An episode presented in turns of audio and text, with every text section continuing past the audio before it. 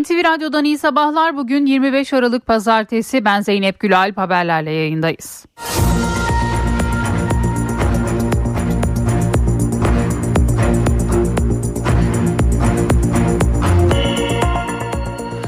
Türkiye şehitlerini uğurladığı 6 ilde dün şehit cenazesi vardı. Kuzey Irak'ta üst bölgesine sızmaya çalışan teröristlerle çıkan çatışmada şehit olan 6 asker memleketlerinde son yolculuğa uğurlandı. Sözleşmeli er Kemal Aslan Elazığ'da, sözleşmeli er Enes Budak Manisa'da, piyade sözleşmeli er Semih Yılmaz Şırnak'ta, piyade uzman çavuş Ahmet Arslan Yozgat'ta, piyade uzman çavuş Abdülkadir İyem Gaziantep'te, piyade sözleşmeli er Cebrail Dündar Mardin'de toprağa verildi.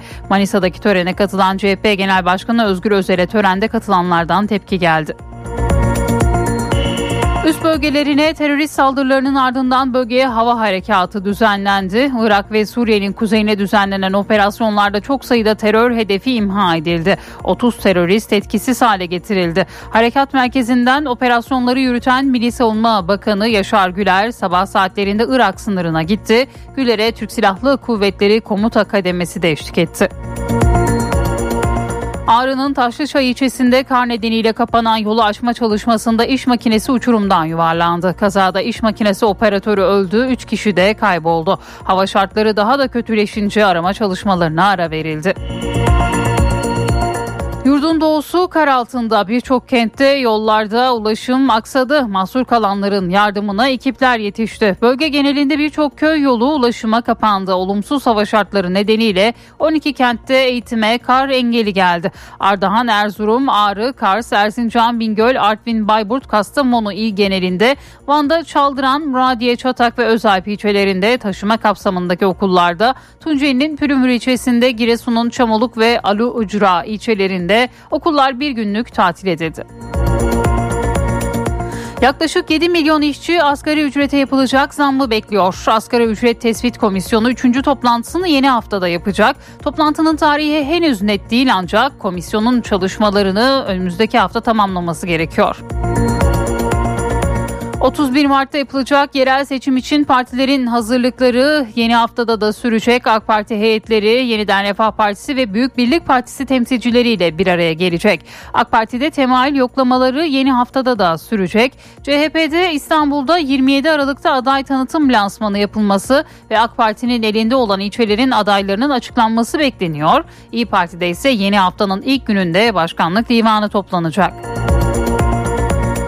İsrail ordusu Filistinli sivillerin bulunduğu mülteci kampına hava saldırısı düzenledi. Saldırıda Magazi mülteci kampında 70 Filistinli hayatını kaybetti. İsrail Başbakanı Netanyahu bir kez daha savaş Hamas yok edilinceye kadar devam edecek dedi. İsrail ordusu ise bombardımanda ölen 5 İsrailli rehinenin cansız bedenine ulaşıldığını duyurdu. Hristiyanlıkta Hz. İsa'nın doğumunun kutlandığı Noel Bayramı dolayısıyla Vatikan'da Katoliklerin ruhani lideri Papa Francis'in yönettiği bir ayin yapıldı. Hz. İsa'nın çatışmayı yasaklamasına rağmen savaşın devam ettiğini söyleyen Papa bu gece kalplerimiz Beytülahim'de dedi. Ağrı Kültür ve Turizm Müdür Vekili ve Ağrı Amatör Spor Kulüpleri Federasyonu Başkanı Erkan Kağan'ın çocuk sporculara cinsel istismarda bulunduğu iddia edildi. Ağrı Valiliğinden yapılan açıklamada Erkan Kağan'ın gözaltına alındığı ve görevden uzaklaştırıldığı belirtildi. Açıklamada ayrıca olayı soruşturmak üzere Kültür ve Turizm Bakanlığı'nca iki müfettiş görevlendirildiği ifade edildi. Erkan Kağan işlemlerin ardından tutuklandı. Trendyol Süper Lig'in 18. haftasında Galatasaray Kadıköy'de Fenerbahçe ile golsüz berabere kaldı. Karşılaşmanın 22. dakikasında Ceku ve Icardi arasında yaşanan e, pozisyon tartışmalara neden oldu. Pozisyona hem maçta hem de maç sonunda itirazlar ve tepkiler vardı.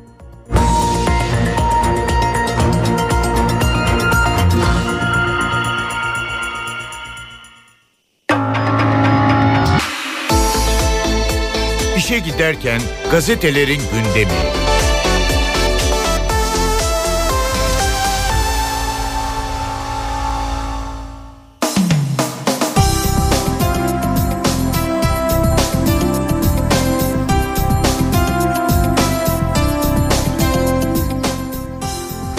Sabahla başlıyoruz. Terör inleri başlarına yıkıldı manşetiyle çıkıyor bugün sabah gazetesi. Türkiye iki günde alçak saldırılar sonucu kaybettiği 12 kahramanın acısını yüreğine bastı.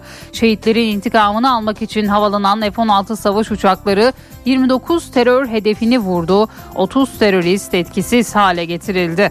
Irak ve Suriye'nin kuzeyine 120 kilometre girilerek yapılan operasyonlarda mağara, sığınak, petrol ve elektrik tesisleri vuruldu.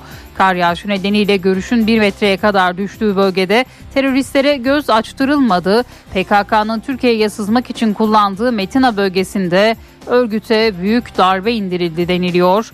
Bugün sabah gazetesinin manşetinde. Sabiha Gökçe'nin ikinci pisti açılıyor bir diğer başlık. Cumhurbaşkanı Erdoğan Türkiye'nin ikinci Avrupa'nın ise altıncı en büyük yolcu trafiğine sahip havalimanının ikinci pistini bugün hizmete açıyor.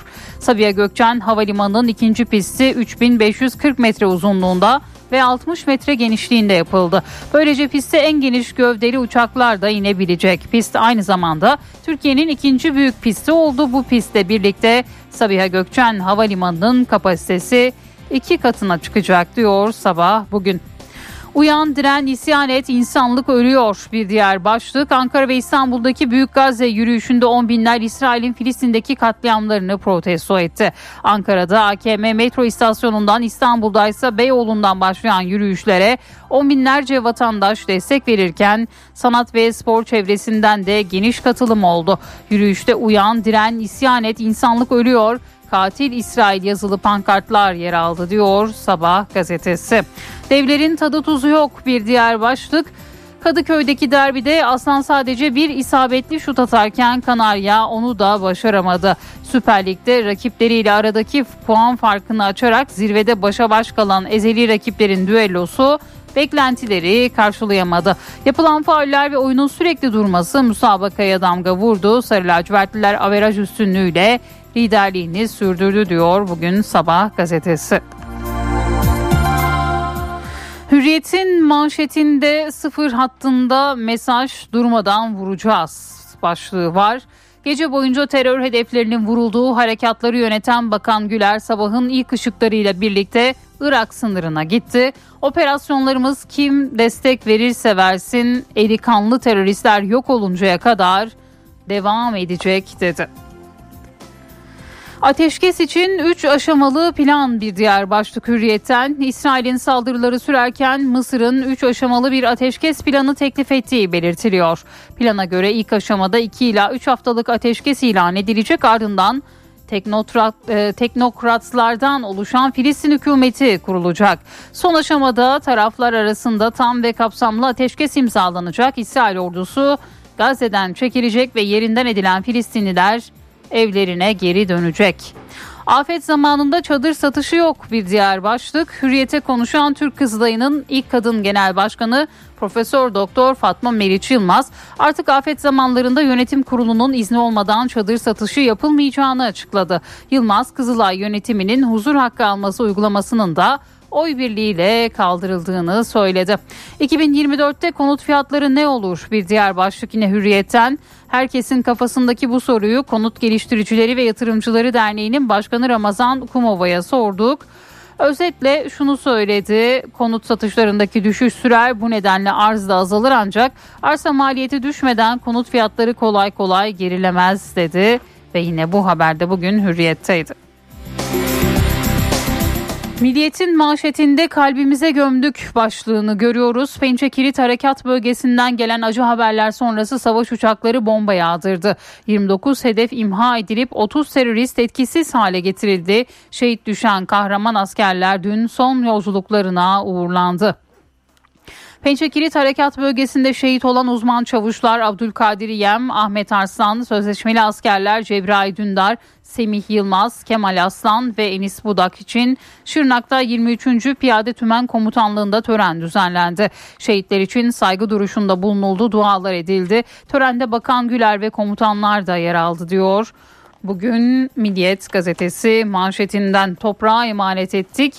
Şehit Er Cebrail Dündar Mardin'de son yolculuğuna uğurlandı. Türkçe ve Arapça adların yakıldığı cenazede acılı eş Semanur Erdemir Dündar sana nasıl kıydılar diyerek gözyaşı döktü. Şehit uzman çavuş Abdülkadir İyem Gaziantep'te toprağa verildi. Baba Mehmet İyem tabuta sarılarak oğlum sana bütün hakkım helal dedi. Şehit sözleşmeler Enis Budak'ta Manisa'daki cenaze töreni sırasında bir grup CHP lideri Özel'e tepki gösterdi diyor. Gözyaşları sel oldu notuyla paylaşılıyor bu haber bugün Milliyet gazetesinden. Haftada bir gün market denetliyor. Bir diğer başlık Ticaret Bakanı Ömer Bolat'la fahiş fiyat, fırsatçılık, stokçuluk, kara borsacılık ve vurgunculukla mücadeleyi konuştuk. 2024'teki denetimlerin çok farklı olacağını belirten Bolat, marketlerin her gün denetlendiğini belirterek kendisinin de haftada bir gün marketlere gittiğini söyledi ve yine bu haberde bugün Milliyet'teydi. Yeni Şafak'la devam edelim. Amerika ve PKK'nın petrol terörü manşetini atıyor Yeni Şafak gazetesi. Türkiye'nin önceki gün 6 şehit verdiği Metin Azap sınırının Amerika ile da irtibatı bulunuyor. Irak'ın kuzeyinde üst bölgeleri kuran Türk Silahlı Kuvvetleri Gara'da Amerika'nın işlettiği petrol tesisine 15-20 kilometre yaklaştı. Bundan endişe eden Amerika'nın saldırıda rolü olabileceği belirtiliyor. Savaş uçaklarının saldırıdan hemen sonra Suriye'deki petrol tesislerini imha etmesi de PKK ile birlikte Amerika'ya cevap olarak görülüyor deniliyor. Yeni Şafak'ın manşetinde bugün.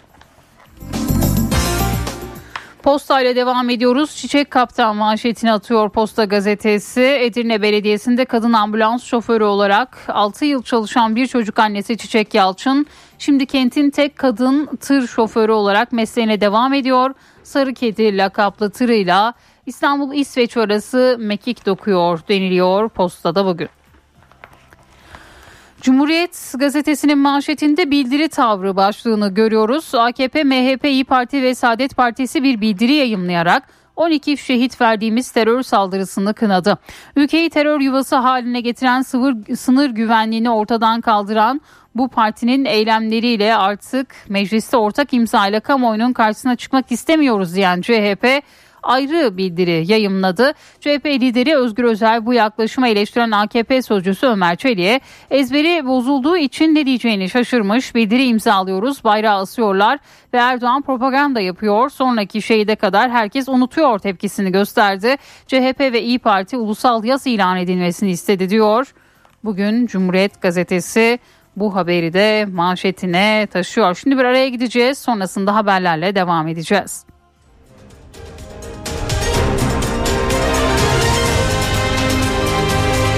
NTV Radyo Titanic Hotels köşedeki kitapçıyı sunar. Merhaba ben Adnan Bostancıoğlu. Çağdaş Japon edebiyatının en sevilen yazarlarından Osamu Dazai'nin Son Yıllar isimli kitabı Itaki yayınlarından çıktı. Köşedeki kitapçıyı takip edenler muhtemelen bilir. Dazai benim de çok sevdiğim bir yazar. Programa daha önce de konuk olmuştu. Öncelikle onun sıra dışı hayatını hatırlayalım kısaca. Asıl adı Tsushima olan Dazai 1909 Kanagi Japonya doğumlu. Hayatı boyunca intihar takıntısıyla yaşamış. İlk girişimi henüz 19 yaşındayken. Bunun üzerine ailesi tarafından reddedilmiş. Tokyo Üniversitesi'nde Fransız filolojisinde okumuş ama bitirmemiş. Uzun süre işsiz kalmış. İlk öykü kitabını 1936'da yayınlamış. 30'ların sonlarında da benzersiz bir novella, Öğrenci Kız gelmiş. Dazai 2. Dünya Savaşı'nda hastalığı sebebiyle askere alınmamış. Onun en üretken dönemi Japonya'nın harap olduğu savaş sonrası yıllar. Nitekim İnsanlığımı Yitirirken ile Batan Güneş isimli romanlarını bu yıllarda yazıyor Dazai. 1949 yılında da intihar ediyor. Bahsini ettiklerim dışında Türkçedeki bazı kitapları Mor Bir Serserinin Gezi Notları, Yeni Bir Hamlet, Pandora'nın Kutusu, Soytarı Çiçekleri. Osamu Dazai Japonya'nın hala en sevilen yazarlarından. Gelelim son yıllara. Osamu Dazai ölümünden sonra geride bir şeyler bırakmakta kararlıydı.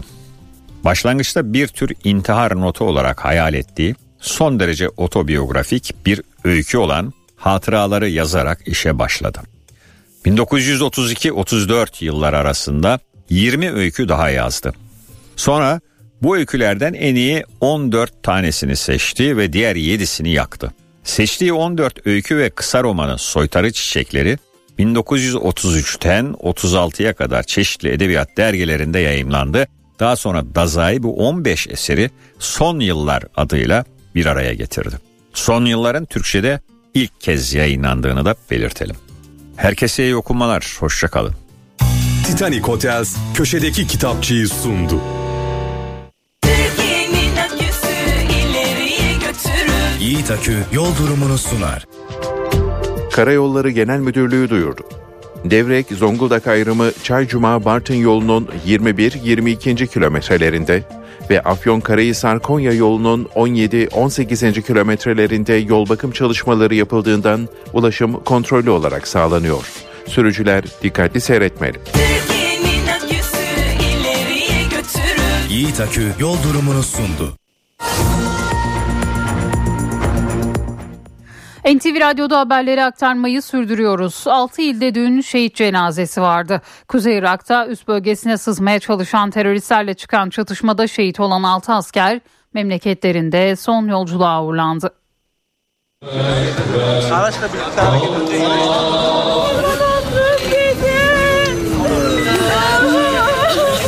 Kuzey Irak'ta şehit olan 6 asker son yolculuğa uğurlandı. Silah arkadaşları naaşlarını omuzladı, yakınları güçlükle ayakta durdu.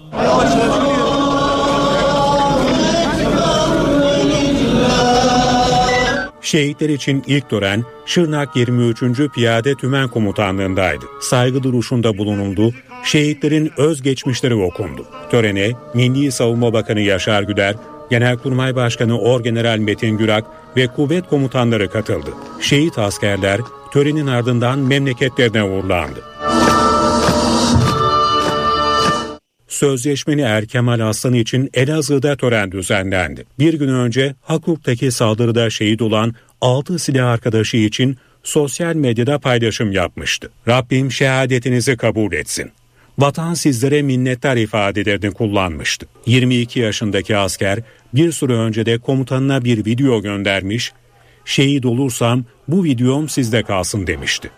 Sözleşmeler arasında komutanım şehit falan olursam bu videom sizde kalsın. Saygılar. Sözleşmeni Er Enes Budak da 22 yaşındaydı. Annesini 2 yıl önce kanserden kaybetmişti. Eylül ayında sosyal medya hesabından askeri kıyafette paylaştığı fotoğrafıyla Cesaret Dağı'nda korku rüzgarı esmez. Aslanlar gibi yaşayın paylaşımını yapmıştı. Aylar sonra teröristlerin saldırısında şehit oldu. Şehit Manisa'da düzenlenen törenin ardından toprağa verildi. CHP Genel Başkanı Özgür Özel de törendeydi. Törene katılanlar Özel'e tepki gösterdi. Uzman çavuş Abdülkadir İyem'in naaşı Gaziantep'te yakınları ve silah arkadaşları tarafından karşılandı. 25 yaşındaki şehit için Bahattin Nakıboğlu Camii'nde tören yapıldı. Yakınları güçlükle ayakta durdu. Sözleşmeli er Cebrail Dündar için Mardin'de tören yapıldı. Araklı Mahallesi'ndeki törende şehidin yakınları uzun süre naaşın başından ayrılamadı.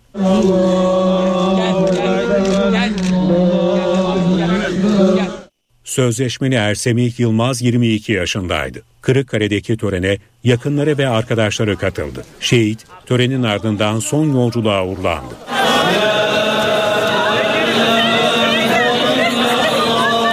Uzman çavuş Ahmet Arslan 25 yaşındaydı. Bir çocuk babasıydı. Şehit asker Yozgat'ta toprağa verildi. Bir gün önceki saldırıda şehit olan sözleşmeli er Yasin Karaca 23 yaşındaydı. Şehidin komutanıyla çektiği son video ortaya çıktı. Şehit asker Tokat'ın Almus ilçesinde son yolculuğa uğurlanacak. Komutanım yolumuz ne yolu? Şehitlik yolu. Ya komutanım. Kızılelma'ya kadar devam. Komutanım. Irak'ın kuzeyinde 12 askerin şehit olduğu terör saldırılarının ardından bölgeye düzenlenen operasyonlarda etkisiz hale getirilen terörist sayısı 30'a yükseldi. Milli Savunma Bakanı Yaşar Güler ve komutanlar da sınırdaydı. Irak'ın kuzeyinde 12 askerin şehit olduğu terör saldırılarının ardından Türk Silahlı Kuvvetleri bölgede peş peşe operasyonlar düzenledi. 30 terörist etkisiz hale getirildi. Terör hedefleri tek tek imha edildi. Saldırının ardından bölgeye çok sayıda takviye birlik sevk edildi. Belirlenen hedeflere ve teröristlerin kaçış istikametlerine ani hava harekatları gerçekleştirildi. Irak ve Suriye'nin kuzeyindeki terör hedeflerine yönelik hava harekatlarında mağara, sığınak, barınak, petrol tesisleri ve depolardan oluşan 29 hedef imha edildi. Operasyonları Hava Kuvvetleri Harekat Merkezi'nden Milli Savunma Bakanı Yaşar Güler sevk ve idare etti. Acımız büyük. Ancak evlatlarımızın intikamını almak için irademiz tam. Bugüne kadar şehitlerimizin kanını yerde bırakmadık, bırakmayacağız. Bakan Güler sabah saatlerinde ise sınırın sıfır noktasına gitti. Önce o saldırılarda yaralanan askerleri hastanede ziyaret edip sağlık durumları hakkında bilgi aldı. Burada herkes seferber olmuş sizler için.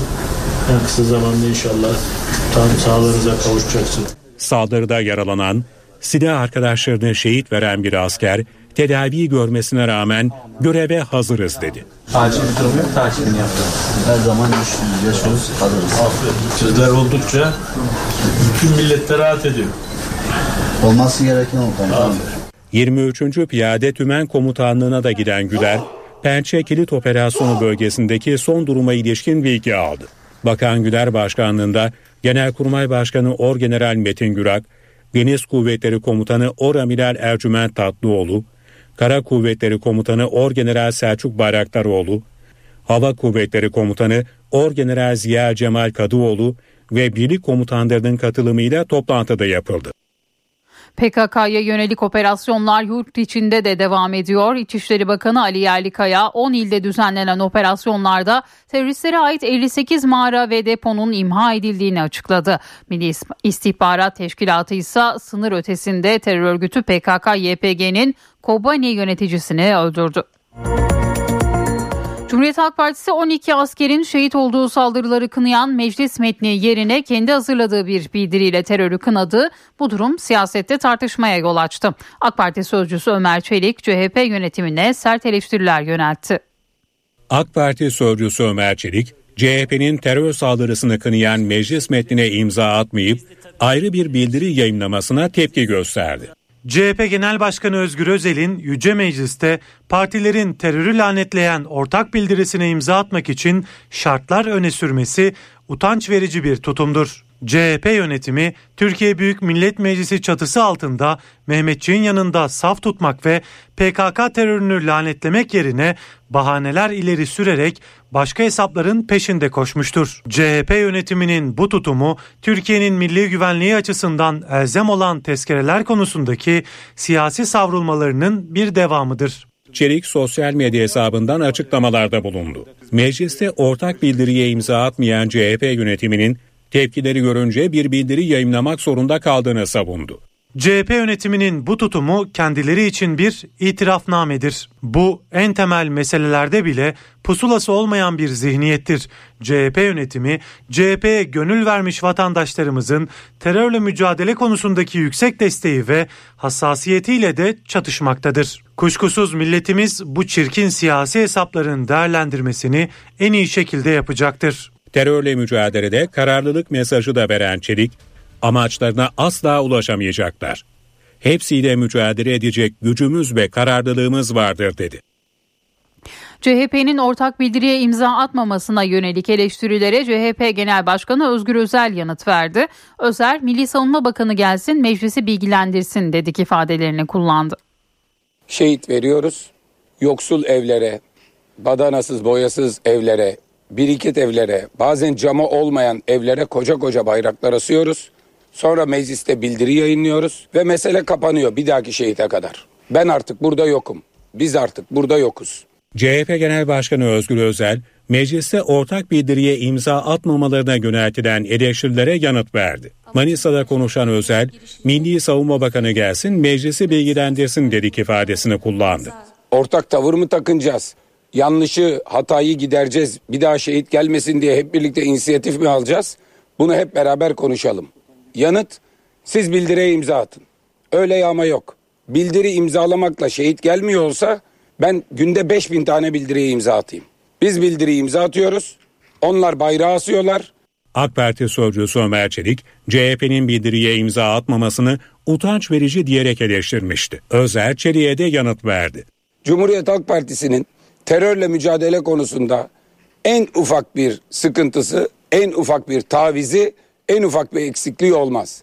Ama terörle mücadele ederken silahlı kuvvetlere destek vermek başka bir şeydir. Hatalarını yapan iktidarı tartışmamak başka bir şeydir. Bundan sonra öyle yağma yok. Özgür Özel'in talimatıyla CHP'li belediyeler 3 gün boyunca kutlama, konser gibi etkinlikleri de erteledi. Amerika Birleşik Devletleri'nin Ankara Büyükelçiliği Irak'ın kuzeyinde 12 askerin şehit olduğu terör saldırılarını kınadı. Büyükelçiliğin sosyal medya hesabından yapılan açıklamada terörle mücadelede NATO müttefikimiz Türkiye'nin yanındayız denildi. Açıklamada hayatını kaybeden 12 Türk askerinin ailelerine ve yakınlarına taziyelerimizi iletiyor. Yaralı olan Türk askerlerine acil şifalar diliyoruz ifadesine de yer verildi. Ankara Cumhuriyet Başsavcılığı şehitlere yönelik suç unsuru içeren paylaşımlara yönelik resen soruşturma başlattı. Başsavcılıktan yapılan açıklamada Ekşi Sözlük isimli sosyal paylaşım sitesinde yapılan paylaşımlara dikkat çekildi. Terör örgütlerine yönelik gerçekleştirilen operasyonlarda şehit olan askerlerimize yönelik suç veya suç unsuru içeren paylaşımlar yapanlar hakkında Ankara Cumhuriyet Başsavcılığımızca resen soruşturma başlatılmıştır denildi. NTV Radyo Ağrı'nın Taşlıçay ilçesinde kar nedeniyle kapanan yolu açma çalışmasına katılan iş makinesi uçuruma yuvarlandı. Bir kişi öldü, üç kişi kayboldu. Taşlıçay ilçesine bağlı Yukarı Sivrice mezrasında vatandaşlar koyunlarının kaybolması üzerine yardım talebinde bulundu. İlafet ve Acil Durum Müdürlüğü ile İl Özel İdaresi'nin iş makineleri köye yönlendirildi. Mezra yolunda ekipler ilerleyemedi. Bu sırada yol açma çalışması yapan Nevşehir'in kullandığı ve içinde 3 vatandaşın bulunduğu İl Özel İdaresi'ne ait kepçe uçuruma yuvarlandı. İş makinesine ulaşan ekipler ağır yaralanan operatörü yaklaşık 500 metre uzaklıktaki paletli ambulansa taşıdı. Operatör hastaneye sevk edildi ancak kurtarılamadı. Ekiplerin diğer 3 kişiyi arama çalışmasına hava şartları nedeniyle ara verildi. Yurdun doğusu kar altında birçok kentte yollar ulaşıma e, kapandı. Mahsur kalanların yardımına ekipler yetişti. Bölge genelinde yüzlerce köy yolu da ulaşıma kapatıldı. Kar etkisini artırdı. Çok sayıda yol ulaşıma kapandı. Araçlar yolda mahsur kaldı. Doğu Anadolu bölgesinde günlerdir yoğun kar ve tipi etkili. Muşkulp yolunda kar kalınlığı 1 metreyi buldu. 18 araçtan 60 kişi mahsur kaldı. İhbar üzerine bölgeye karayolları ve AFAD ekipleri sevk edildi. Yaklaşık 5 saatlik çalışmayla mahsur kalanlar kurtarıldı. Bitlis'te de yüksek rakımdaki köylerin yolları kardan dolayı kapandı. Serinbayır, Otluyazı ve Güzelsu köy yollarında bazı kişiler mahsur kaldı. Mahsur kalanların yardımına ekipler yetişti. Ağrı'da da benzer manzaralar vardı. Ağrı-İran karayolunun İpek geçidi mevkisinde tipi nedeniyle görüş mesafesi düştü, ulaşımda aksamalar yaşandı. Çok sayıda tır kayarak yoldan çıktı. Bir yolcu otobüsü yan yattı. Birçok araç da mahsur kaldı. Bölgede mahsur kalanlar saatlerce yolun açılmasını bekledi. Şimdi buradan da görünüyor ışıklar, arabalar, tırlar. Hepsi orada kapanmış, kuyruk olmuş, yolda kapanmış. Yol yeni açık değil. Ben 2 saat, 3 saatte burada bekliyor. Bayburt Erzurum karayolundaki Kop Dağı geçidi. Kar ve tipi nedeniyle yol ulaşıma kapandı. Bazı araçlar kara saplandı. Bölgede güvenlik önlemi alan trafik ekipleri araçların geçişine izin vermiyor. Kar Erzincan'da da ulaşımı engelledi. Sakal tutan ve Kızıldağ geçidinde bazı ağır tonajlı araçlar yolda kaldı. Trafik ekipleri tır ve çekici gibi araçların geçişini geçici olarak durdurdu. Ulaşımın kontrollü olarak sağlandığı bölgede kar lastiği ve zincir olan otomobillerin geçişlerine izin verildi. Erzurum Artvin karayolu da yoğun kar ve tipiden dolayı ulaşıma kapatıldı. Güzel Yayla geçidinde bazı tır ve kamyonetler de yolda kaldı. Sivas'ta da kar ve tipi etkiliydi. Kent merkezi beyaza büründü, araçlar karla kaplandı. Yağış hazırlıksız yakalanan sürücüler trafikte ilerlemekte güçlük çekti. Öte yandan Doğu Anadolu bölgesinde yüzlerce küçük yerleşim yerinin yolu ulaşıma kapandı. Tabii yoğun kar nedeniyle 12 kentte eğitime kar engeli de geldi. Ardahan, Erzurum, Ağrı, Kars, Artvin ve Bayburt il genelinde ilk ve orta dereceli okullarla özel eğitim kurumlarında eğitime ara verildi. Ayrıca hamile engelli veya kronik rahatsızlığı bulunan kamu personeli de bir gün süreyle idari izinli sayılacak. Bingöl Karlova'da da kar etkili çok sayıda köy yolunun ulaşıma kapandığı ilçede eğitim öğretime bir gün ara verildi. Giresun'un Çamoluk ve Alucra ilçeleriyle Erzincan'ın Refahiye ilçesinde yoğun kar nedeniyle okullar tatil. Van'ın da Çaldıran ilçesindeki tüm okullarda yine Muradiye, Çatak ve Özalp ilçelerinde de taşıma kapsamındaki okullarda eğitim ara verildi bugün. Kastamonu'da il genelinde, Karabük'te ise Ovacık ve Eflani ilçelerinde taşımalı eğitim bugünlük yapılamayacak.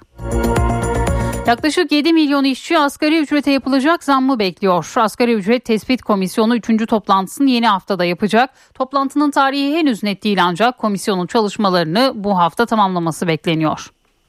Milyonlarca çalışanın gözü kulağı asgari ücret tespit komisyonundan çıkacak kararda. Asgari ücret tespit komisyonu 3. toplantısını yeni haftada yapacak. Elimizdeki tüm imkanlarla hareket edeceğiz. Ancak burada bir denge söz konusu.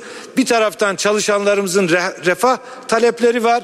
Diğer taraftan işletmelerimizin rekabet gücü, istihdamı ve kayıt dışına kaymaması meselesi var. Çalışma ve Sosyal Güvenlik Bakanlığı'nda yapılan ikinci toplantıda taraftar bir rakam telaffuz etmedi. O toplantıda Hazine ve Maliye Bakanlığı, Ticaret Bakanlığı ve Türkiye İstatistik Kurumu temsilcileri ücret tespiti için göz önünde bulundurulması faydalı olan ekonomik veri ve raporları komisyona sundu. Hep diyoruz ve her zaman da diyeceğiz. Ne çalışanlarımızı, ne memurlarımızı, ne emeklilerimizi hiçbir zaman enflasyona ezdirmedik ve ezdirmeyeceğiz. Üçüncü toplantının tarihi henüz net değil. Ancak mevcutta 11.402 lira olan asgari ücrete 2024 yılı için yapılacak zammın ay sonuna kadar belirlenmesi gerekiyor. 31 Mart'ta yapılacak yerel seçim için partilerin hazırlıkları yeni haftada da sürecek. AK Parti heyetleri Yeniden Refah Partisi ve Büyük Birlik Partisi temsilcileriyle bir araya gelecek. CHP ve İyi Parti'de de adayların belirlenmesi için çalışmalar sürüyor. AK Parti'de yerel seçim çalışmaları yeni haftada da sürecek. Parti kurmaylarının Yeniden Refah Partisi ve Büyük Birlik Partisi yetkilileriyle görüşmesi planlanıyor.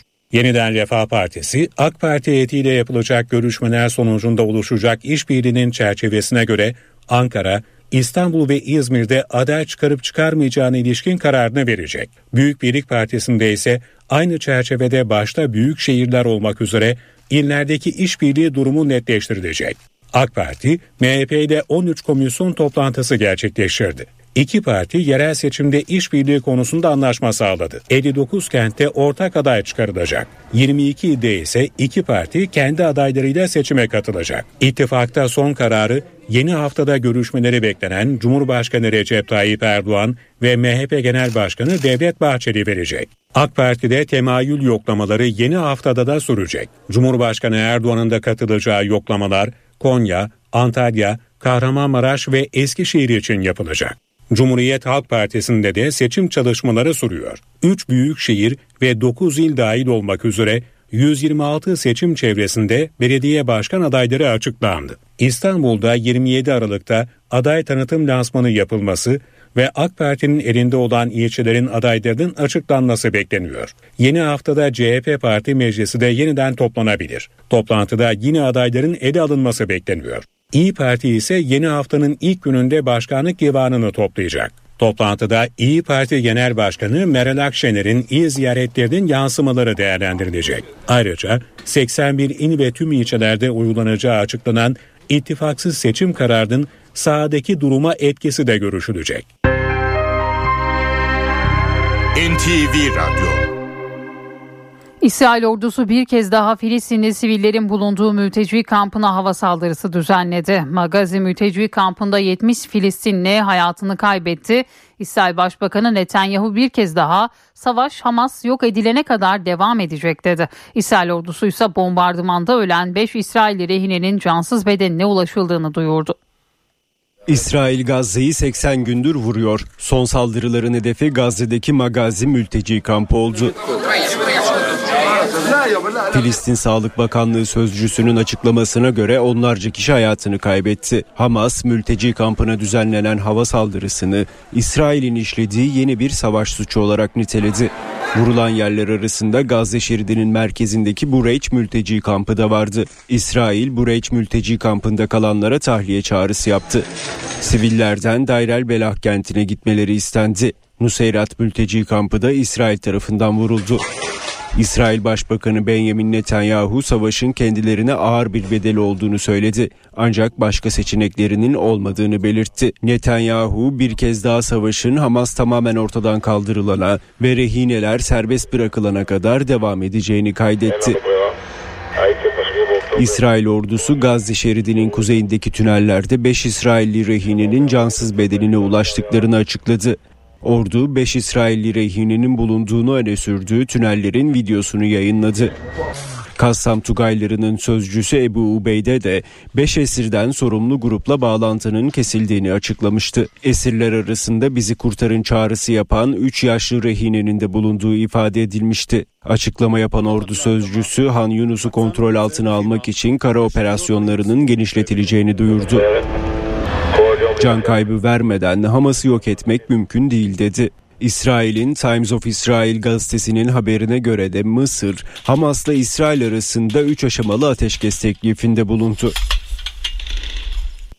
İsrail'in Gazze'ye yönelik saldırıları Ankara'da protesto edildi. Başkentte binlerce kişinin katılımıyla Büyük Gazze yürüyüşü ve mitingi düzenlendi. Sivil toplum kuruluşlarının bir araya gelerek oluşturduğu Ankara Filistin Dayanışma Platformu tarafından düzenlenen Gazze için vicdan buluşması katılımcıları Atatürk Kültür Merkezi metro istasyonu önünde toplandı. Yürüyüşe Filistin'in Ankara Büyükelçisi Faik Mustafa da katıldı. Yürüyüşte Filistin'de yaşanan insanlık dramına dikkati çekmek amacıyla at arabasıyla temsili yaralı ve cenaze taşındı. Yürüyüşün Anadolu Meydanı'nda tamamlanmasının ardından miting de düzenlendi. Kuzey Kıbrıs Türk Cumhuriyeti'nde döviz bürosu sahibi 45 yaşındaki Ayça Alav, Lefkoşa'da bir kripto para ofisinde ölü bulundu. Olayla ilgili iki kişi gözaltına alındı. Ayrıntıları NTV Lefkoşa temsilcisi Selim Sayır aktardı kan donduran planlı bir cinayet. Bu üçüncüsü sadece e, daha önce de iki döviz bürosu sahibi benzer şekilde planlı cinayete kurban gitmişti. Ancak en son 45 e, yaşındaki Ayça Alav bir e, kız çocuk annesi eşinin yurt dışında ada dışında olmasını fırsat bilen iki Kamerunlu yanlarında çalışan iki Kamerunlu cinayeti planladılar. Bir elektrik arızası var e, dükkanda gelin lütfen diye telefon açtılar Ayça Alav'a. Ayça Alav e, Hitbit adlı kripto para ofisine gitti Orada yanında çalışan iki Kamerunlu e, kişi önce ellerini kabloyla bağladılar, ayaklarını bağladılar. Sonra bağırmasın, ses çıkarmasın diye ağzına bir e, bez parçası tıktılar ve koli bandıyla e, Ayça Alav'ın ağzını burnunu sardılar ve kadın havasız kalarak olay yerinde öldü. Tabii kan donduran bir cinayet. E, çünkü e, dövizi aldılar. Planlı bir cinayet. E, zira e, Pakistan uyruklu Saddam Hüseyin adında bir kişi ve yine Kamerun uyruklu e, Dogma diye bir e, suç ortağı da bu cinayette kaçışa e, yardım ettiler. E, iki cinayet zanlısını e, e, olay yerinden aldı e, Saddam Hüseyin Pakistan uyruklu arabasıyla birlikte e, diğer e, Kamerun uyruklu suç ortağının evine gittiler. Burada bir süre gizlendiler ve ardından sınıra yakın Rum tarafı sınırına yakın bir noktaya gittiler ve iki cinayet zanlısı ellerinde miktarı henüz bilinmiyor ama çok sayıda döviz ve Türk lirası olduğu bilinen bir çantayla Rum kesimine kaçtılar. Şimdi suçluların iadesi anlaşması var iki kesim arasında. Olay üzerine Cumhurbaşkanlığı devreye girdi ve e, Rum kesimine kaçan iki cinayet Kamerunlu cinayet sanlısının yakalanması ve KKTC'ye iadesi için işlemleri başlattılar. Bu arada e, suça e, ortaklık eden, yardım eden, yataklık eden Pakistan uyruklu Saddam Hüseyin'le Kamerunlu e, Franco Leonel Dogma e, kısa sürede KKTC polisi tarafından yakalanarak tutuklandı. Selim Sayarı'nın notlarını dinledik. Katolik Hristiyan inancına göre Hz. İsa'nın doğum günü olarak kabul edilen 24 Aralık gecesinde İstanbul Taksim'de Noel ayini düzenlendi. Ziyaretçiler kilisenin içerisinde mum yakarak yeni yıl için dilek tuttu.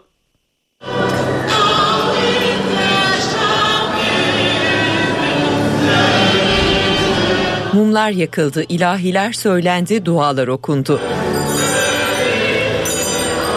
İstanbul'da Noel ayini düzenlendi. St. Antoine Kilisesi'nde Katoliklere göre Hazreti İsa'nın doğum günü kabul edilen 24 Aralık gecesi Noel ayini düzenlendi. Ayinde mum yakıp adaklara dandı, dua edildi.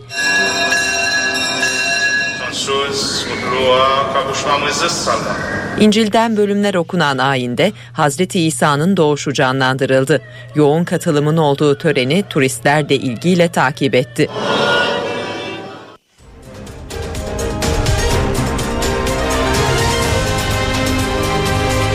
NTV Radyo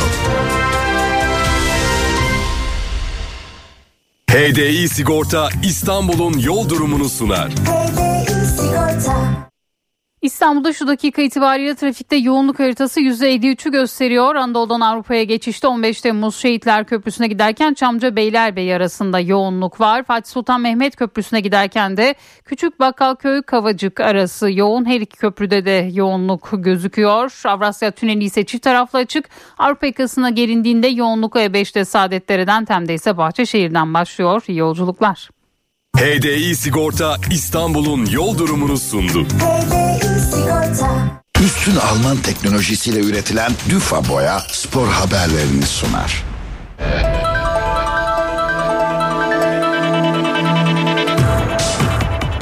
Türk futbolunda heyecanla beklenen Fenerbahçe Galatasaray derbisi golsüz bitti. 0-0 sona eren mücadelede foul rekoru kırılırken teknik direktörler hakemi eleştirdi.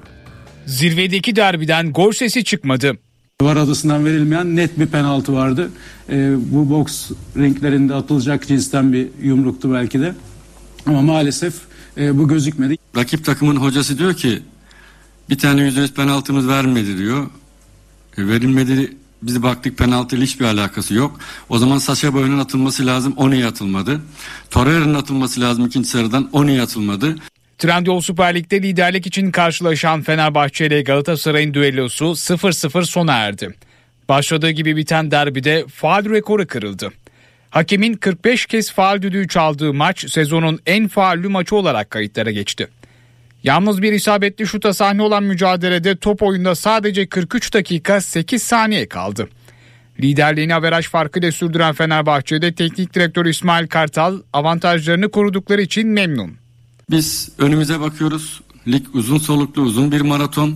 Onun için bu akşam 0-0 berabere kaldık. Kazanamıyorsak kaybetmeyeceksiniz. Sonuçta kazanmaya özellikle ikinci yarı bizim yani Fenerbahçe futbol takımı olarak bizdik. Olmadı. Taraftarlarımıza bu akşam e, bir 3 puan vermeyi çok istiyorduk. Galibiyetle bu stat'tan onların ayrılmasını çok istiyorduk. Onları mutlu etmeyi çok istiyorduk. Olmadı. İnşallah bundan sonraki maçlarda onları en iyi şekilde mutlu edeceğimizi düşünüyorum. Galatasaray Teknik Direktörü Okan Buruk ise hakem kararlarından şikayetçi. Çok fazla faal oldu ve e, çok fazla itiraz oldu aslında onu söyleyebilirim. Tabii ki itirazlar da e, zaman zaman çok uzadı. Hakem yani çok erken mesela bana garip gelen hakem bir pozisyonla ilgili gelip kenarda e, pozisyonu anlattı. Yani yani pozisyon anlatacak bir şey yok oyun içerisinde. Oyunculara da çok fazla her şeyi anlatacak bir şey yok. Derbi maçları biraz da böyle oluyor. Yani iki takım da oyunun çok fazla hızlanmasına izin vermedi. Ee, burada hakemin de zaman zaman durdurduğu yerler oldu. Ama dediğim gibi başta da söyledim yani beklentilerin altında e, oyun olarak beklentilerin altında e, kalan e, bir darbe oldu. Fenerbahçe ile Galatasaray Cuma günü yeniden karşılaşacak. Geçen sezonun lig ve kupa şampiyonları Süper Kupa için Suudi Arabistan'ın başkenti Riyad'da oynayacak.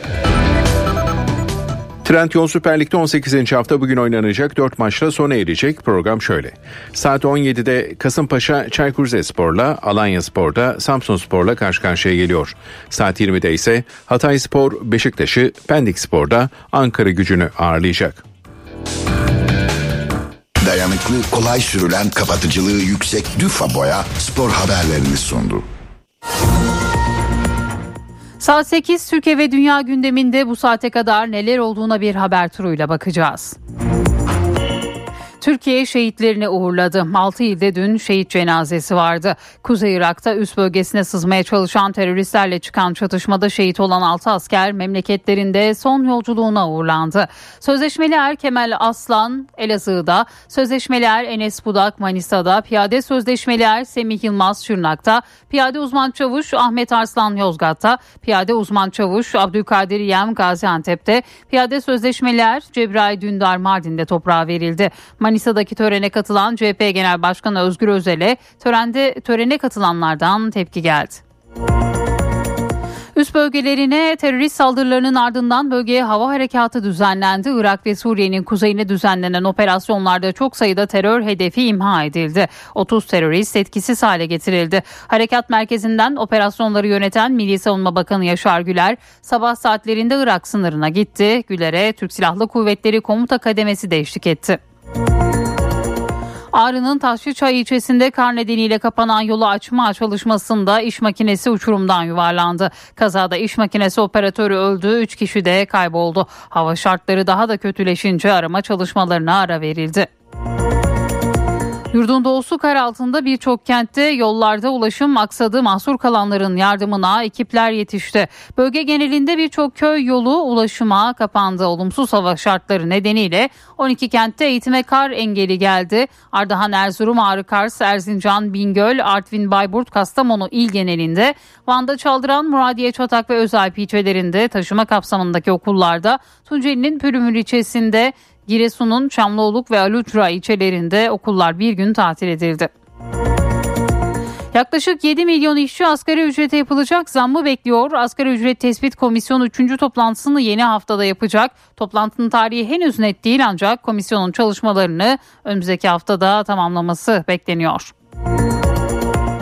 31 Mart'ta yapılacak yerel seçim için partilerin hazırlıkları da yeni haftada sürecek. AK Parti heyetleri Yeniden Refah Partisi ve Büyük Birlik Partisi temsilcileriyle bir araya gelecek. AK Parti'de temayül yoklamaları yeni haftada da sürecek. CHP'de İstanbul'da 27 Aralık'ta aday tanıtım lansmanı yapılması ve AK Parti'nin elinde olan ilçelerin adaylarının açıklanması bekleniyor. İyi Parti'de ise yeni haftanın ilk gününde başkanlık divanı toplanacak.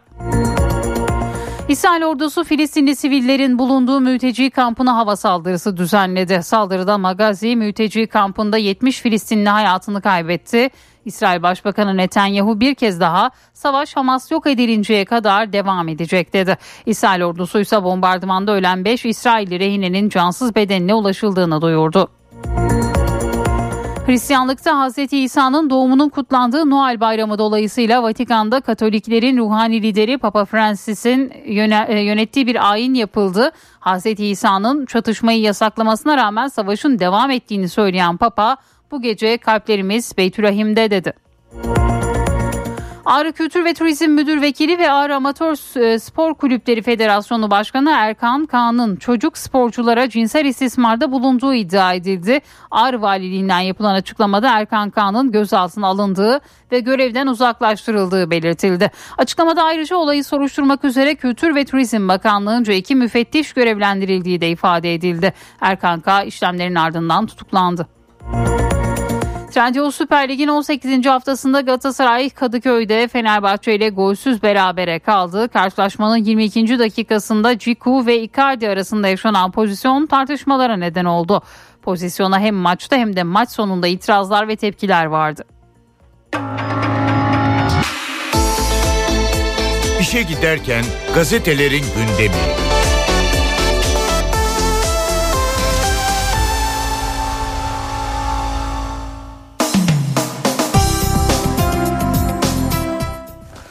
Sabahla başlıyoruz. Terör inleri başlarına yıkıldı manşetini atıyor bugün Sabah gazetesi. Türkiye iki günde alçak saldırılar sonucu kaybettiği 12 kahramanın acısını yüreğine bastı. Şehitlerin intikamını almak için havalanan F-16 savaş uçakları 29 terör hedefini vurdu. 30 terörist etkisiz hale getirildi.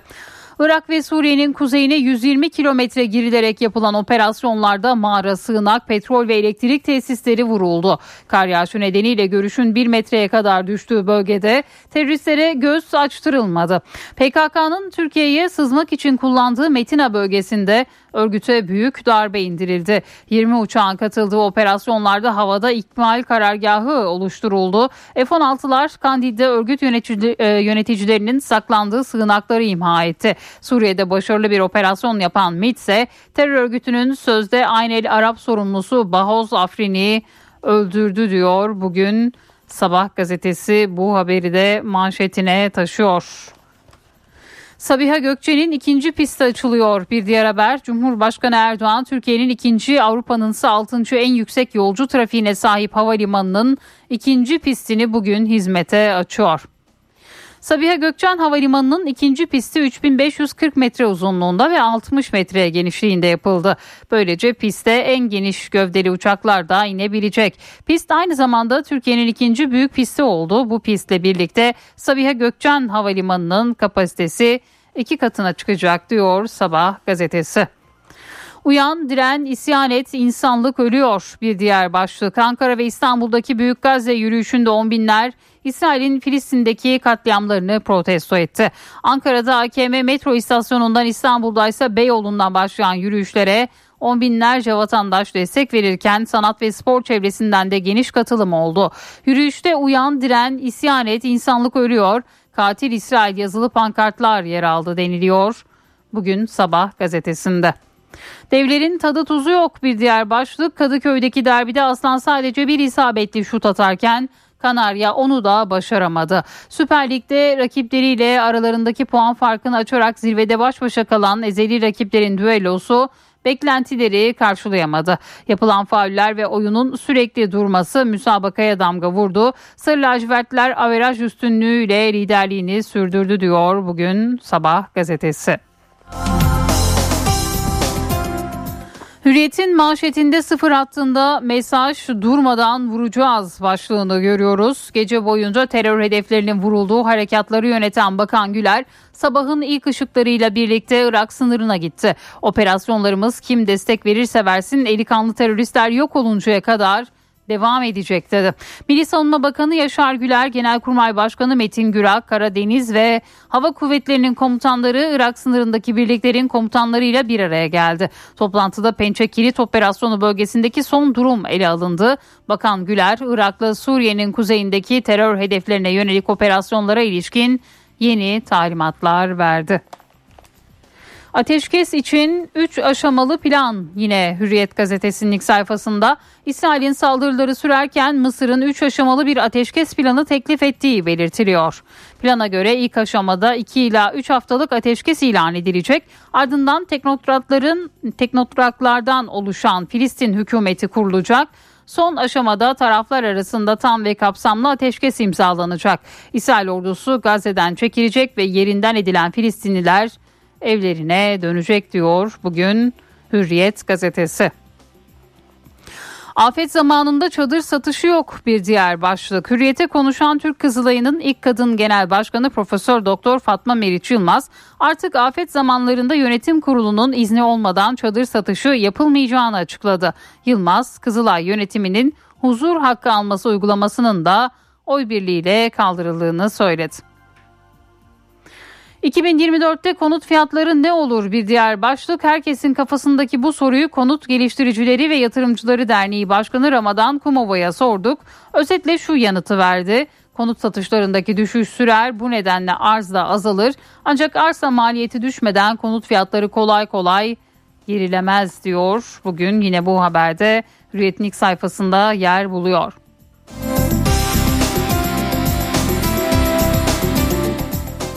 Milliyet Gazetesi ile devam edelim. Kalbimize gömdük manşetini atıyor bugün Milliyet Gazetesi. Pençe Kilit Harekat Bölgesi'nden gelen acı haberler sonrası savaş uçakları bomba yağdırdı. 29 hedef imha edilip 30 terörist etkisiz hale getirildi. Şehit düşen kahraman askerler dün son yolculuklarına uğurlandı. Pençekilit Harekat Bölgesi'nde şehit olan uzman çavuşlar Abdülkadir Yem, Ahmet Arslan, sözleşmeli askerler Cebrail Dündar, Semih Yılmaz, Kemal Aslan ve Enis Budak Şırnak'ta 23. Piyade Tümen Komutanlığı'nda tören düzenlendi şehitler için. Saygı duyuruşunda bulunuldu, dualar edildi. Törende Bakan Güler ve komutanlar da yer aldı diyor Milliyet gazetesi. toprağa emanet ettik. Şehit Er Cebrail Dündar Mardin'de son yolculuğuna uğurlandı. Türkçe ve Arapça adların yakıldığı cenazede acılı eş Semanur Erdemir Dündar sana nasıl kıydılar diyerek gözyaşı döktü. Şehit uzman çavuş Abdülkadir Yem Gaziantep'te toprağa verildi. Baba Mehmet Yem tabuta sarılarak oğlum sana bütün hakkım helal dedi. Şehit sözleşmeli Enis Budan Manisa'daki cenaze töreni sırasında bir grup CHP lideri Özel'e tepki gösterdi diyor bugün Milliyet gazetesi. Bir diğer haber haftada bir gün market denetliyor başlığıyla Ticaret Bakanı Ömer Bolat'la fahiş fiyat fırsatçılık, stokçuluk, kara borsacılık ve vurgunculukla mücadeleyi konuştuk. 2024'teki denetimlerin çok farklı olacağını belirten Bolat, marketlerin her gün denetlendiğini kaydederek kendisinin de haftada bir gün marketlere gittiğini söyledi.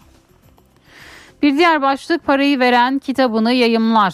Kağıt krizi nedeniyle artan maliyetler yayın dünyasında yeni bir süreci başlattı. Self-publishing isteyen kendi kitabını belli ücret karşılığında yayımlayabiliyor. Fiyatlar 10 bin lirayla 70 bin lira arasında değişiyor. Avrupa'da Noel korkusu yine Milliyet'in ilk sayfasında taşıdığı bir diğer haber. Alman Bild gazetesi Avusturya, Almanya ve İspanya'daki yetkililerin İslamcı bir grubun Avrupa'da muhtemelen yılbaşı gecesi ve Noel'de çok sayıda saldırı planladığına dair işaretler aldığını bildirdi. Bu saldırıların hedefinin Köln, Viyana ve Madrid'deki ayinler olabileceği iddia edildi. Ve yine bu haberde bugün Milliyet gazetesindeydi. Yeni Şafak'ın manşetinde Amerika ve PKK'nın petrol terörü başlığını görüyoruz. Türkiye'nin önceki gün 6 şehit verdiği Metin Azap sınırının Amerika ile de irtibatı bulunuyor.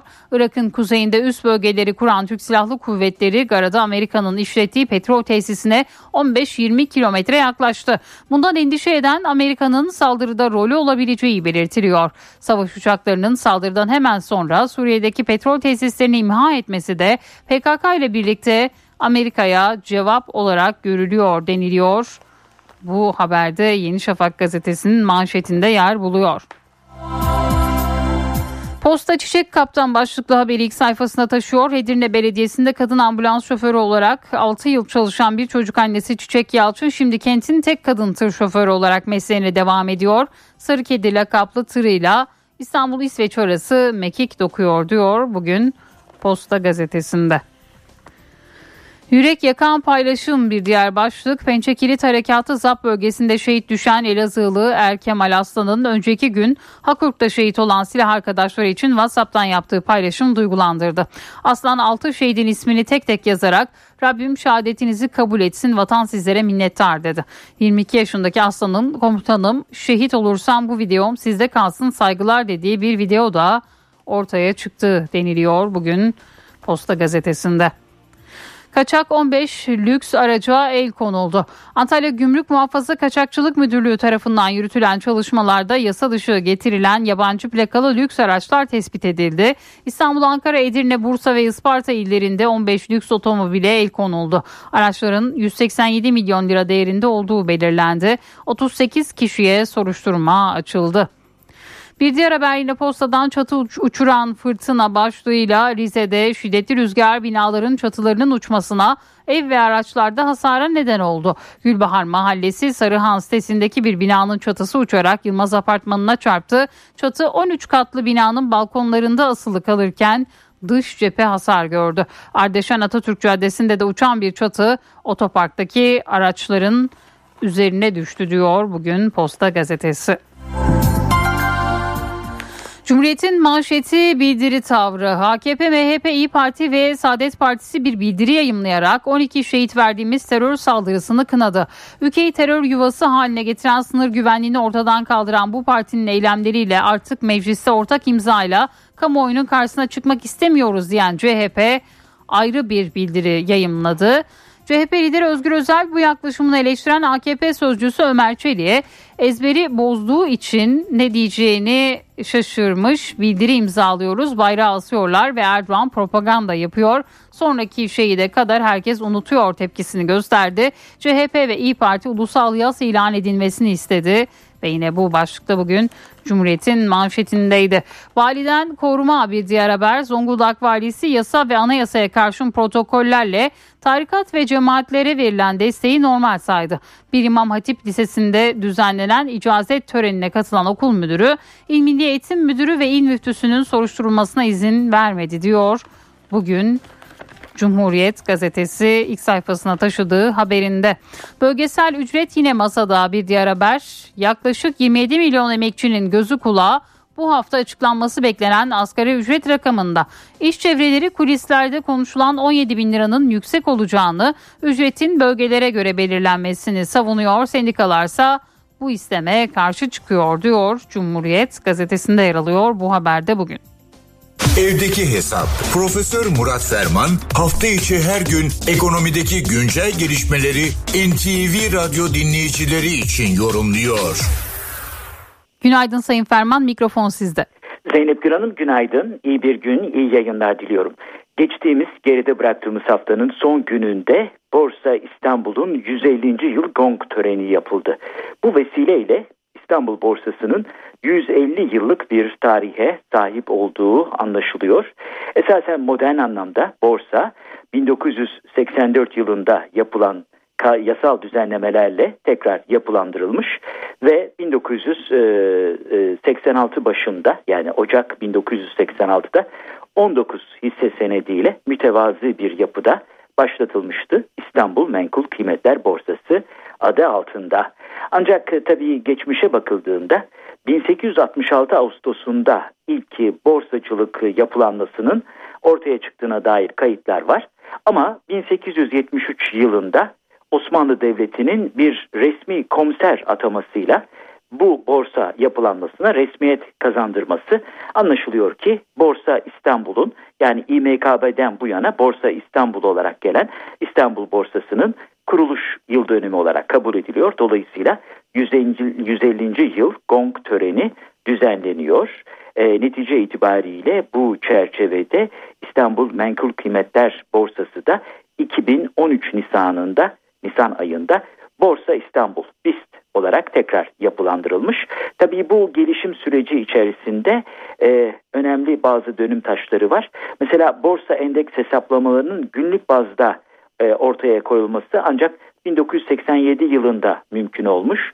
2009 yılında tesis edilen kamuyu aydınlatma platformu KAP'ta önemli bir e, dönüm noktası olarak şeffaflık ve hesap verilebilirlik bakımından e, bir önemli dönüm taşı olarak e, hiç şüphesiz hatırlanmalı. Bugün hisse senetlerinin yanı sıra opsiyon ve varantlar, emtia ile altın sertifikaları, sürdürülebilirlik ve katılım endeksleri gibi zengin enstrümanların yer aldığı gelişmiş ve teknolojik bakımdan yeterli yüksek bir yapılanmadan bahsediyoruz. Sadece e, son 3 yılda 140 farklı şirketin halka arzı gerçekleşmiş. Bu sene içinde iştirakçı sayısı da olağanüstü bir artış ile 8,5 milyon kişiye ulaşmış. Dün e, en üst devletin en üst düzeyindeki katılımla değişik beyanlarda bulunuldu. E, hafta sonu itibariyle son mesai gününde. E, orada e, enteresan noktalardan bir tanesi de her e, Türkiye'de 10 kişiden birinin borsada yer aldığıydı. Tabii bu çerçevede oyun alanı veya gazino kapitalizmi gibi bir takım ifadeler de sarf edildi. Burada sapla samanı karıştırmamak lazım. Elbette bizzat Sayın Cumhurbaşkanı'nın belirttiği gibi düzenleyici ve denetleyici kurumlar e, çok daha dikkatli, çok daha özenli davranmalılar. Çünkü eğer Türkiye sermaye piyasalarından yükselecekse bu mutlaka yerine getirilmesi gereken bir vazife. Aksi takdirde bir karmaşa ortaya çıkar. Ama oyun veya oyun teorisi aslında hiç de yabana atılmamalı. Evet borsa teknik olarak bir oyun alanıdır. Üstelik sıfır toplamlı bir oyundur. 1940'lı yıllarda e, ortaya atılan game teori, oyun teorisi de bu tarz bir yaklaşımla borsanın da teorisini ortaya koymuştur.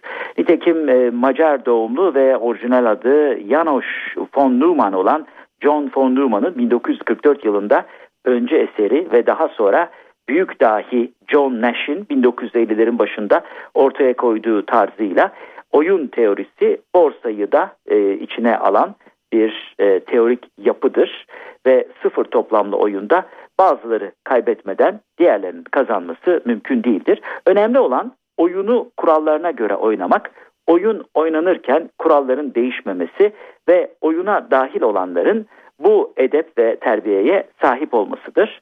Aksi takdirde borsada veya günlük hayatta oyun teorisinin dışında hiçbir şey kalmayacağına ve hayatın kendisi de game teori, oyun teorisi çerçevesinde açıklanacağına göre e, sürdürülebilir sonuçlar almak mümkün olmayacaktır. Netice itibariyle e, borsanın kurulmasından 150 yıl geçmiş ama e, değerli sanatçımız Bülent Ortaçgil'in e, Benimle Oynar Mısın şarkısının üzerinden de 50 yıl geçmiş. E, Bülent Ortaçgil'in bu e, eserinin e, herhalde daha çok uzun yıllar hafızalarda kalacağını ve dinleneceğini e, biliyoruz. Tıpkı oyun teorisi gibi oyun teorisi ve diğer unsurlar şunu anlatıyor. Hayat böyle gelişi güzel veya gelgeç tespitlerle değil ve fakat teorik yapılanmalarla ve sistemik sistematik yaklaşımlarla açıklanabilir ve idame ettirilebilir. Hem borsamıza hem sanatımıza uzun yıllar diliyoruz.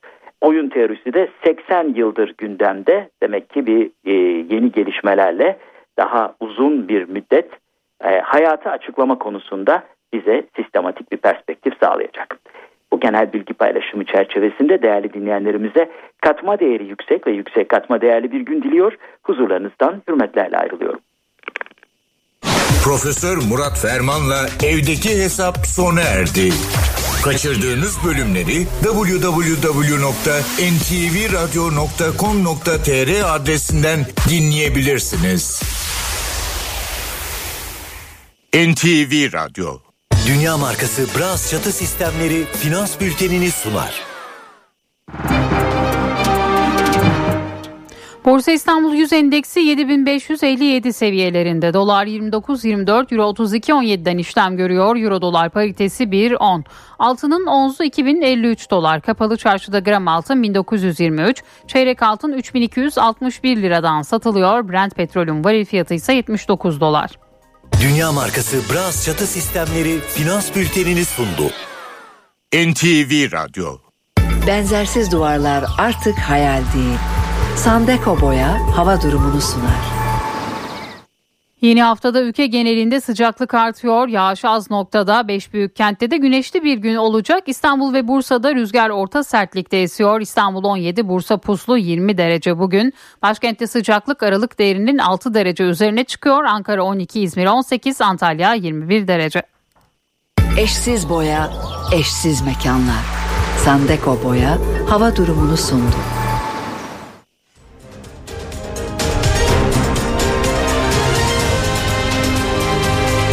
NTV Radyo Araç takipte liderlerin tercihi Mobiliz risk haritasını sunar. Ülkenin doğusunda kar yağışı yerini don ve buzlanmaya bıraktı. Özellikle binaların çatılarındaki sarkıtlar olumsuz durumların yaşanmasına neden olabilir. Karadeniz bölgesinin doğusunda ise etkili olacak sağanak yağış su baskınlarına sebep olabilir. Tedbirli olunmalı. Araç takipte liderlerin tercihi Mobiliz risk haritasını sundu. Doğa takvimi. Bugün 25 Aralık 2023 Pazartesi. NTV Radyo iyi günler diler.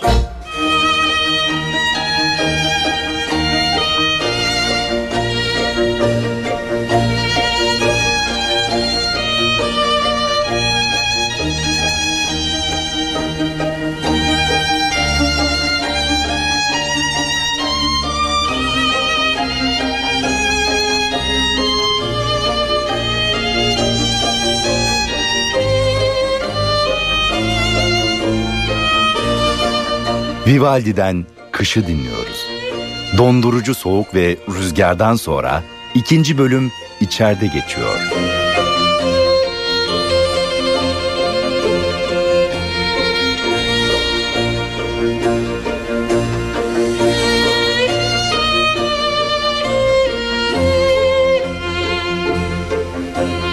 Dışarıda hava sert ama içeride ateşin başında sıcak ve huzur var.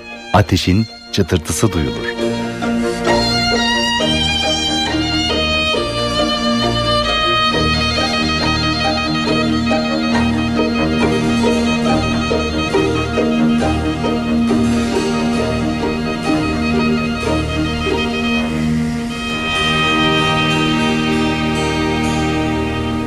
Ateş başında aylaklık böyle bitiyor.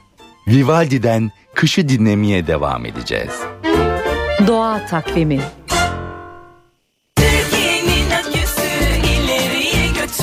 Yiğit Akü yol durumunu sunar. Karayolları Genel Müdürlüğü duyurdu. Sivas Ulaş yolunun 3-5. kilometrelerinde ve Ağrı Tutak yolunun 10-12. kilometrelerinde yol bakım çalışmaları yapıldığından ulaşım kontrollü olarak sağlanıyor. Sürücüler dikkatli seyretmeli. Yiğit Akü yol durumunu sundu.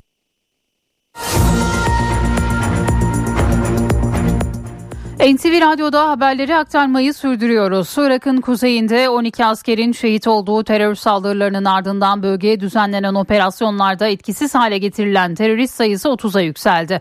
Milli Savunma Bakanı Yaşar Güler ve komutanlar da sınırdaydı. PKK'ya yönelik operasyonlar yurt içinde de devam ediyor. İçişleri Bakanı Ali Yerlikaya 10 ilde düzenlenen operasyonlarda teröristlere ait 58 mağara ve deponun imha edildiğini açıkladı. Milli İstihbarat Teşkilatı ise sınır ötesinde terör örgütü PKK-YPG'nin Kobani yöneticisini öldürdü.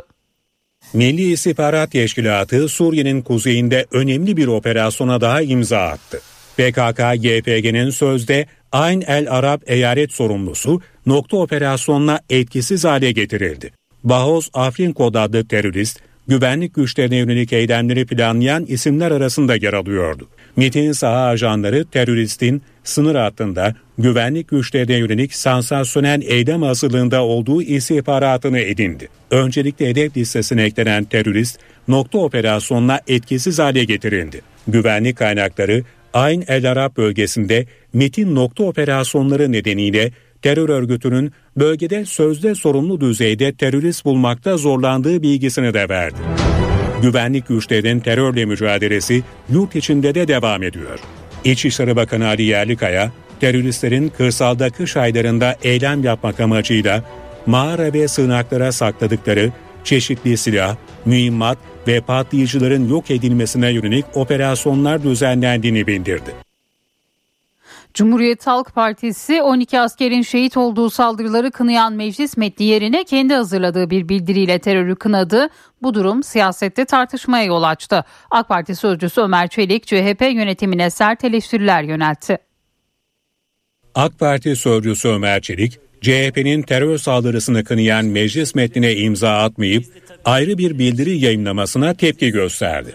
CHP Genel Başkanı Özgür Özel'in Yüce Meclis'te partilerin terörü lanetleyen ortak bildirisine imza atmak için şartlar öne sürmesi utanç verici bir tutumdur. CHP yönetimi Türkiye Büyük Millet Meclisi çatısı altında Mehmetçiğin yanında saf tutmak ve PKK terörünü lanetlemek yerine bahaneler ileri sürerek başka hesapların peşinde koşmuştur. CHP yönetiminin bu tutumu Türkiye'nin milli güvenliği açısından elzem olan tezkereler konusundaki siyasi savrulmalarının bir devamıdır. Çelik sosyal medya hesabından açıklamalarda bulundu. Mecliste ortak bildiriye imza atmayan CHP yönetiminin tepkileri görünce bir bildiri yayınlamak zorunda kaldığını savundu. CHP yönetiminin bu tutumu kendileri için bir itirafnamedir. Bu en temel meselelerde bile pusulası olmayan bir zihniyettir.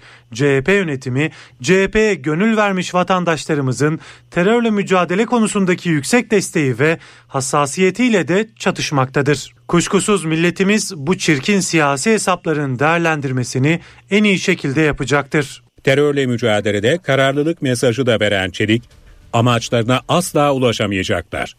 Hepsiyle mücadele edecek gücümüz ve kararlılığımız vardır dedi. Eleştirilere Genel Başkan Özgür Özel'den yanıt geldi. Özel, Milli Savunma Bakanı gelsin meclisi bilgilendirsin dedik ifadelerini kullandı. Şehit veriyoruz, yoksul evlere, badanasız boyasız evlere, biriket evlere, bazen camı olmayan evlere koca koca bayraklar asıyoruz. Sonra mecliste bildiri yayınlıyoruz ve mesele kapanıyor bir dahaki şehite kadar. Ben artık burada yokum. Biz artık burada yokuz.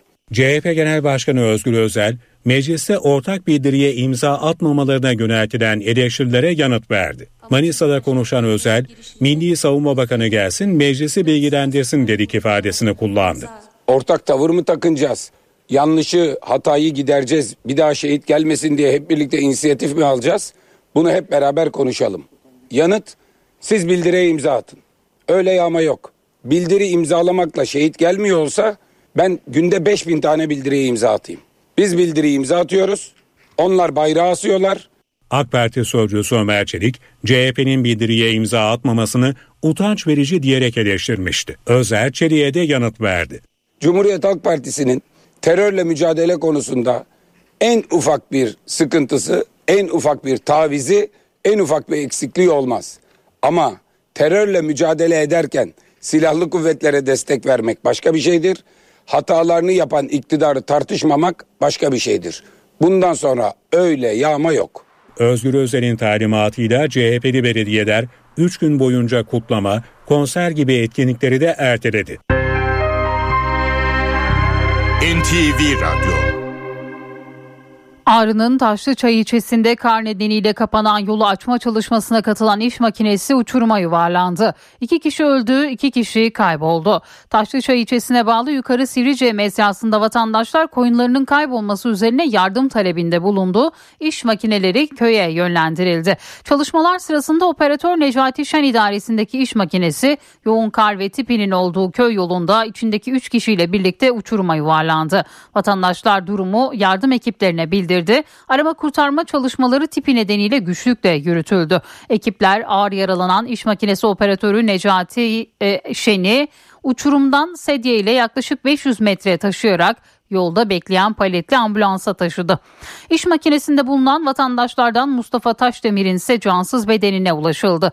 Ağır yaralı olarak kurtarılan Necati Şen de Ağrı Eğitim ve Araştırma Hastanesi'nde hayatını kaybetti. Yasin Taşdemir ve Raif Aydın arama çalışmalarına hava şartları nedeniyle ara verildi. Yoğun kar yurdun birçok noktasında etkisini sürdürüyor. Olumsuz hava şartları nedeniyle 12 kentte eğitime kar engeli geldi.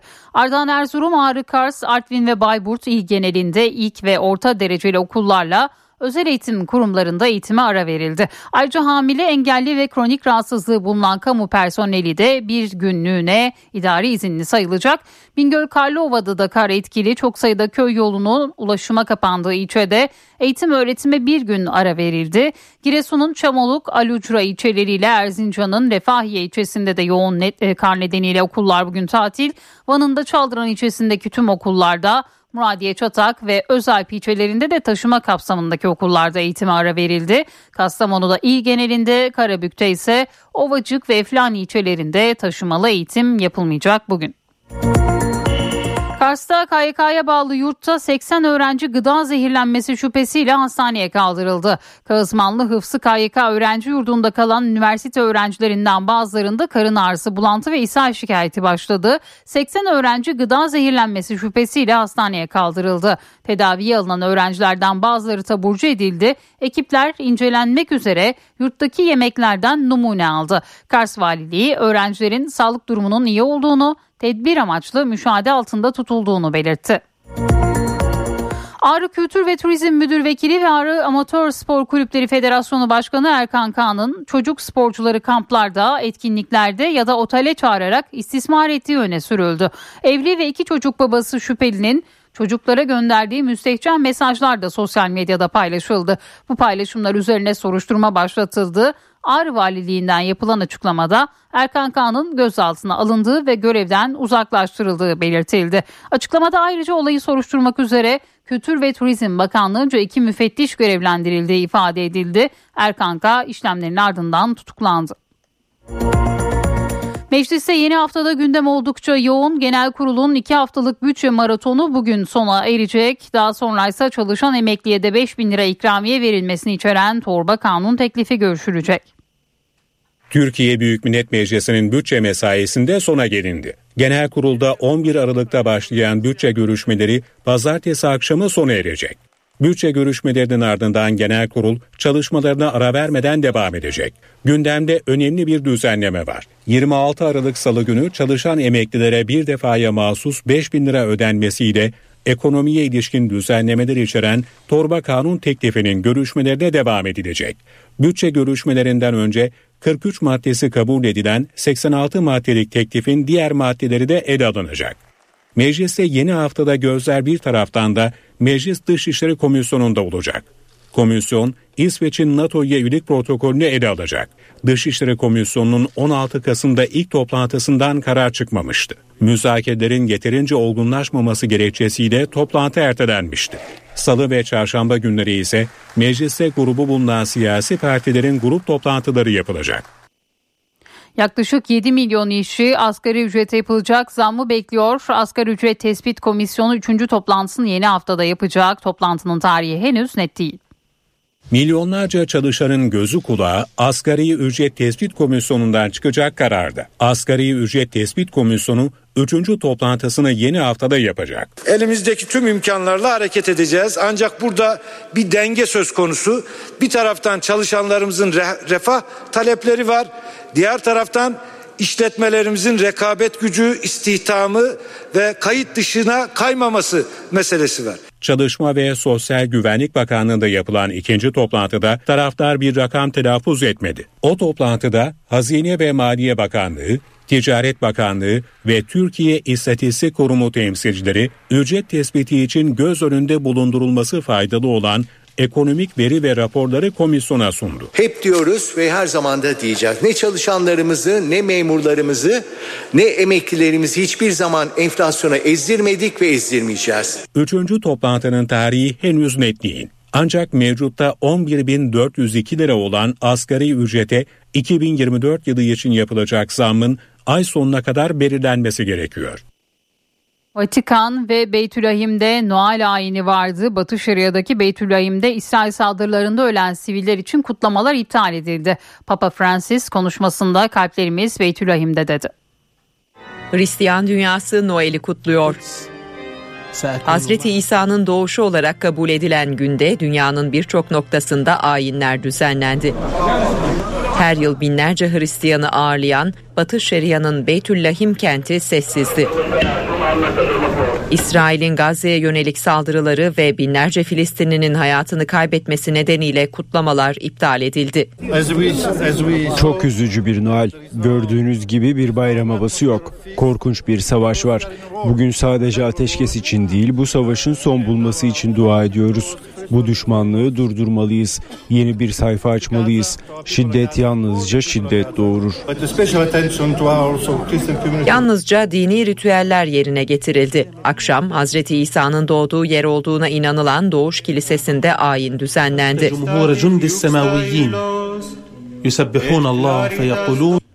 Ayini Katolik Başpiskopos Pierre Batista Pizzaballa başlattı.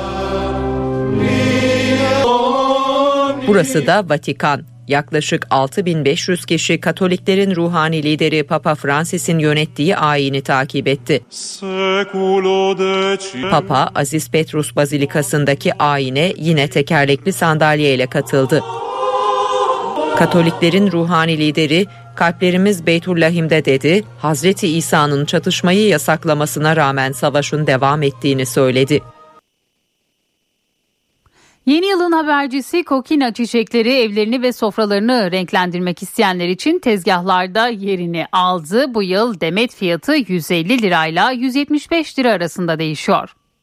2023 yılının bitimine sayılı günler kala yeşil kırmızı renkleriyle yeni yılın simgelerinden kokina çiçekleri hazır. Kokina çiçeği tezgahlarda yerini aldı. Yılbaşı çiçeği olarak da bilinen kokinanın şans ve bereket getirdiğine inanılıyor. Şu anki satış fiyatı ise Ankara'da 150 lirayla 175 lira arasında değişiyor. İstanbul'da Kuşköy diye bir yerimiz var. Türkiye'nin genelinde komplesine İstanbul'dan yayılır. Uğur getirildiği söyleniyor, bereket geldiğini söylenir ve alınır. Evleri renklendiren kokina çiçeği İstanbul'da hazırlanıyor ve Ankara'ya getiriliyor. Kokinanın hazırlanması hiç de kolay değil. Önce silcan adı verilen bu kırmızı toplar bir araya getiriliyor, ardından da yeşil yapraklarla birleştiriliyor. Bu bir dallardan koparılarak başka bir bitkinin yaprağına bağlanıp tek tek bağlanıp bir demet haline getiriyor. Ölmeyen tek çiçek. Vazonuza koyduğunuz anda bir yıl içerisinde hep aynı özelliğini koruyacaktır. Yılbaşında evini ve sofralarını kokina ile süslemek isteyenler de alışverişini yaptı. Kokina yılbaşı için çok özel bir çiçek. Yani bereket ve uğur getirdiğine inanıyorum. Yeni yılın geleceğini gösteriyor hepimize. Yeni yıl sağlıklı, uzun ömürlü, herkes için mutlu bir yıl olsun. Geçmiş sıkıntılarımız kokina çiçeğinin güzelliği gibi gerilerde kalsın.